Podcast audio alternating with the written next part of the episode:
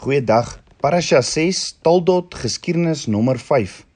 Ons het gesien Esau het hierdie bitterheid in hom gehad teenoor sy pa en sy broer. En die vraag is, hoeveel keer doen ons goed? Nie ook om ander te spyt, maar eintlik verwoes ons onsself nie. In Hebreërs 12 vers 14 tot 16 staan: "Jaag die vrede na met almal en die heiligmaking waar sonder niemand die Here sal sal sien nie. En pas op dat niemand in die genade van God veragter nie, dat geen wortel van bitterheid opskiet en onrus verwek en baie hierdeur besoedel word nie. Laat niemand 'n hoereerder wees nie of 'n onheilige soos Esau wat vir een spysgereg sy eersgeboorte reg verkoop het. So Abba Vader leer my bitterheid veroorsaak eerstens misleiding. Die woord sê hier in Hebreërs pas op dat niemand in die genade van Abba Vader veragter nie. Nou daar's twee maniere waarop ons tekortskiet in die genade van Abba Vader. Die een is losbandigheid en die ander wettiesheid. Nou losbandigheid beteken jy lewe net soos jy wil en daar's geen gevolge nie. Dis om te lewe soos jy wil want deur Yeshua se bloed kan jy net ons lewe net soos wat jy wil.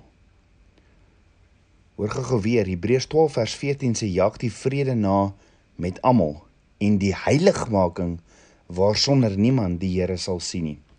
Die woord sien beteken in Grieks optanahomai en beteken nie net om te kyk nie dit beteken to look at to allow oneself to be seen, to appear or to see in person of om in die teenwoordigheid te wees van. So wat Paulus sê is sonder heiligmaking sal jy nooit in die teenwoordigheid wees of in die teenwoordigheid kom van Abba Vader nie. Ons weet ons kry heiligmaking deur genade en deur ons geloof. En heilig in Hebreëus is kadosh wat beteken om afgesonder te wees. Afgesonderd van wat? Afgesonderd van sonde. So al is ek 'n gelowige en ek is nie afgesonder nie, sal ek nooit in die teenwoordigheid van Abba Vader inkom of beleef nie. Die ander manier hoe ek tekort skiet in die genade van Abba Vader is wettiesheid of legalism. Aan hierdie kant probeer mense hulle genade verdien deur hulle werke vir Abba Vader en beide losbandigheid en wettiesheid is uiterstes in die liggaam van Yeshua. Abba Vader leer my bitterheid veroorsaak tweedens verontreiniging. Hebreërs 12 vers 15 in New King James sê lest any root of bitterness springing up cause trouble and by this many became defiled. Defile beteken to stain, to to die with another color. Met ander woorde sonde vlek ons. Dit kleur dit, dit verander ons kleur. En daar's 'n vlek van sonde of sonde is soos vlekke.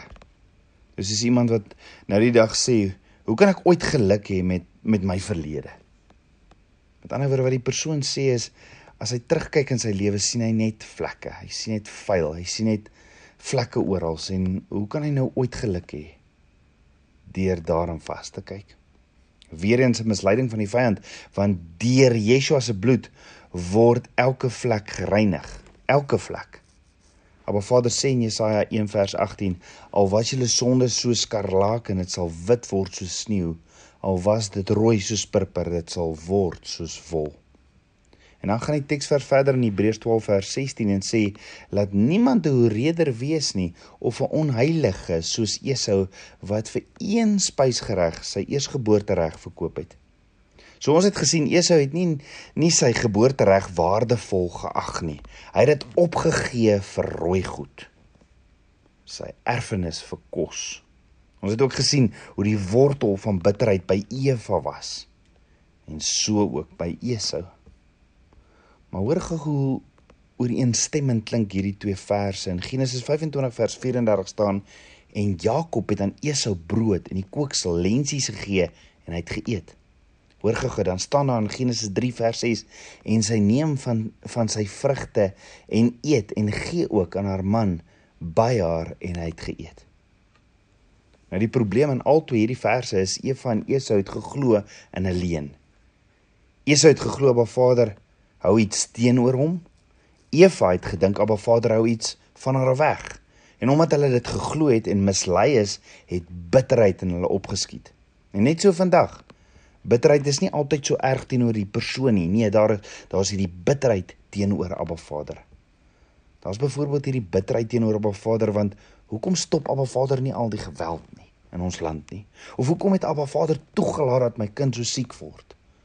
En dan sê mense, ek weet Abba Vader het dit nie veroorsaak nie, maar hy kon dit tog gestop het.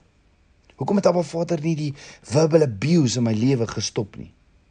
Hoekom het Abba Vader niks gedoen toe hierdie persoon hierdie verkeerde daad teenoor my gedoen het nie? En dan is dit ook van dink aan Jakob en Esau. Jakob word ges, geseën deur Abba Vader en Esau? Wat van arme Esau? Abba Vader sê selfs in Maleagi 1 vers 2 tot 3: "Tog het ek Jakob liefgehad, maar Esau het ek gehaat en sy gebergte 'n wildernis gemaak en sy erfdeel aan die jakkalse van die woestyn prysgegee. Jy sien die punt is die wortel van bitterheid is teenoor Abba Vader en dit is omdat dit mislei en verontreinig. Die vyand kom vang ons met misleiding en verontreiniging. En hoekom nie vandag vir Abba Vader vra, Vader, sal U enige wortel van bitterheid uit my lewe uittrek nie? Vader, kom kom vat hierdie skille wat waar die vyand my so mislei kom haal dit van my oë af en en veront en en en en was my skoon met u woord. So dink daaroor. Ons kan almal teruggaan na 'n gebeurtenis in ons lewe, nê? En ons kinders daar waar 'n waar 'n wortel van bitterheid opgeskiet het. En nou kan daar hierdie bitterheid en woede teenoor Abba Vader in ons wees, is dit nie? Dis van Abba Vader, hoekom het my huwelik verbrokkel? Hoekom het Hoekom het niks Hoekom het u niks daaromtrent gedoen nie? Hoekom hoekom het my besigheid misluk? Hoekom het u niks daaromtrent gedoen nie? En hoor wat sê die volgende pa want sy kind het baie ernstig siek geword en die vyand het hom kom mislei en verontreinig. Die pa sê hy weet nie wat om met sy gevoelens te maak teenoor Abba Vader nie want hy weet Abba Vader is soewerein en Abba Vader kon dit gestop het. Nou eerstens soewerein beteken Abba Vader is die opperheerser van die heelal. Abba Vader gaan nooit regeer buite sy karakter nie. Abba Vader het in sy soewereiniteit besluit om nie robotte te maak nie, maar om vir my en jou met 'n wil volgens sy beeld te skape. En omdat ons 'n wil het, het ons dit alles kom opneek.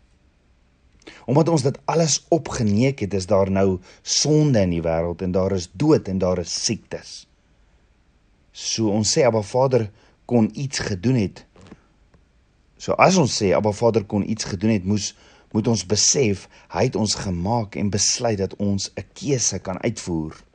Met ander woorde, dinge gebeur in ons lewens want ons lewe in 'n gebroke wêreld.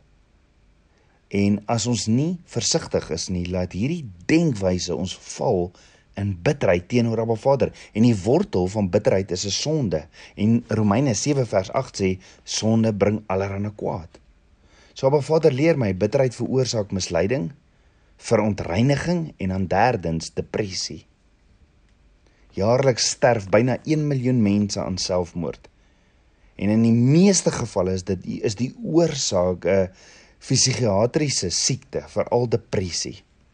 En Hebreërs 12 vers 16 tot 17 sê: "Laat niemand 'n hoereder wees nie of 'n onheilige, die die King James sê provyn soos Esau, wat vir een spysgereg die eersgebore reg verkoop het, want jy weet dat hy toe hy ook later die seën wou beerwe, verwerp is want hy het geen geleentheid vir berou gevind nie, al het hy dit met trane vurig begeer." Nou Esa, Esau het hierdie verwerping in hom gedra wat veroorsaak het dat hy nie die genade van Abba Vader in sy lewe ervaar het nie.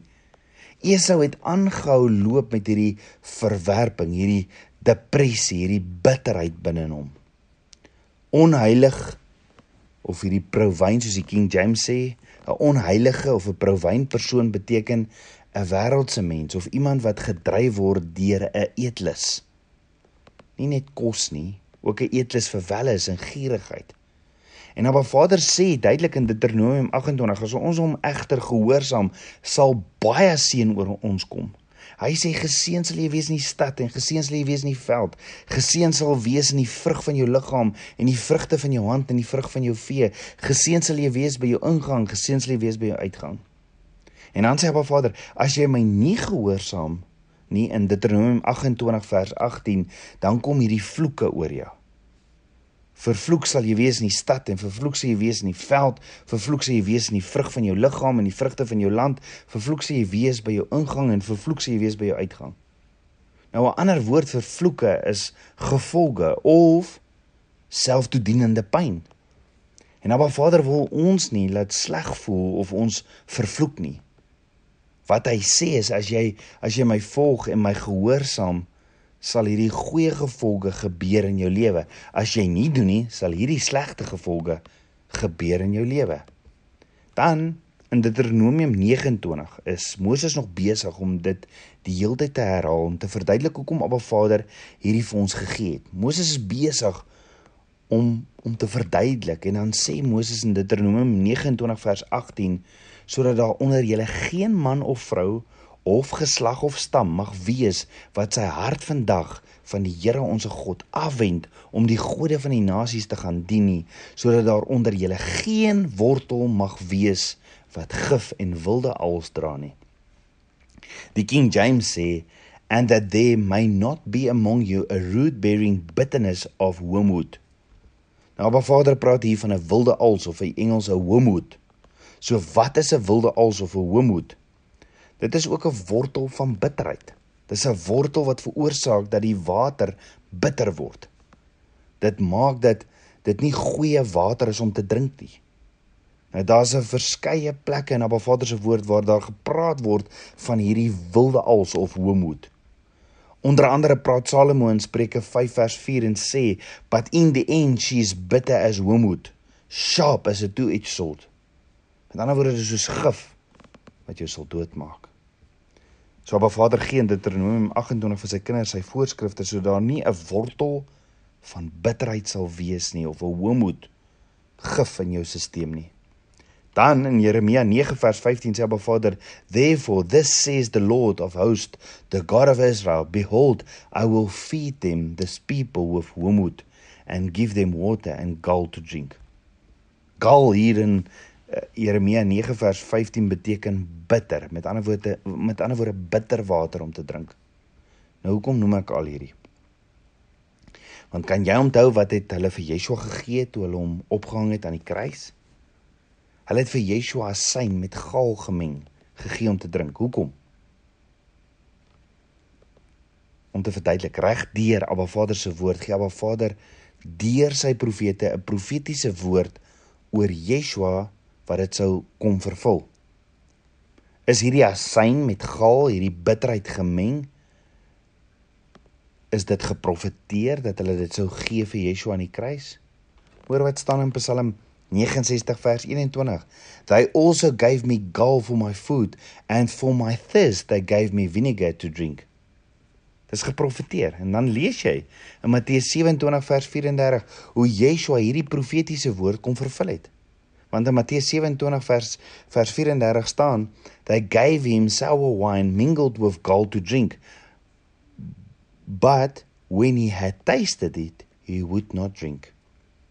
So Yeshua was versoek om te hou met alle versoekings. En Lukas sê in, in die 40 dae vas in die woestyn was hy die heeltyd versoek. Dan weet ons in die tuin van Getsemane is Yeshua versoek met die versoeking om op te gee op Abba Vader se wil, sy verlossingsplan. En toe hulle vir hom hierdie asyn met gal, hierdie bitter water gee om te drink, was dit die versoeking van bitterheid. En ons weet Yeshua het sy kop weggedraai en hy het dit nie gedrink nie. Jy sien Yeshua ons leermeester, ons rabbi kom leer ons. Ons almal gaan bitterheid proe. Ons gaan almal bitterheid proe in ons lewens, maar ek en jy het 'n keuse of ons dit gaan drink of nie. Jy het 'n keuse, tabernakelskind van Abba. En kom ons doen wat Yeshua gedoen het en nie wat Esau gedoen het nie. Hoor gou-gou. Nie net het hy dit nie gedrink, hierdie bitterheid, hierdie galm, hierdie bitter water nie, maar Yeshua het gesê, Vader, vergewe hulle want hulle weet nie wat hulle doen nie. Hierdie ouens het nie sy vergifnis, het nie Yeshua se vergifnis gevra nie. Ek het jy het nie Yeshua se vergifnis gevra nie, maar hy het 'n keuse gemaak vir hierdie ouens wat hom hierdie bitterheid gegee het om te vergeef en om nie bitter te wees nie. Ek en jy dieselfde keuse. Wat gaan jy kies? Kom ons vra om vergifnis. En kom ons kies om nie bitter te wees nie. Kom ons bid saam. Aba Vader, skieper van my hart, Vader, ek loof en ek prys U.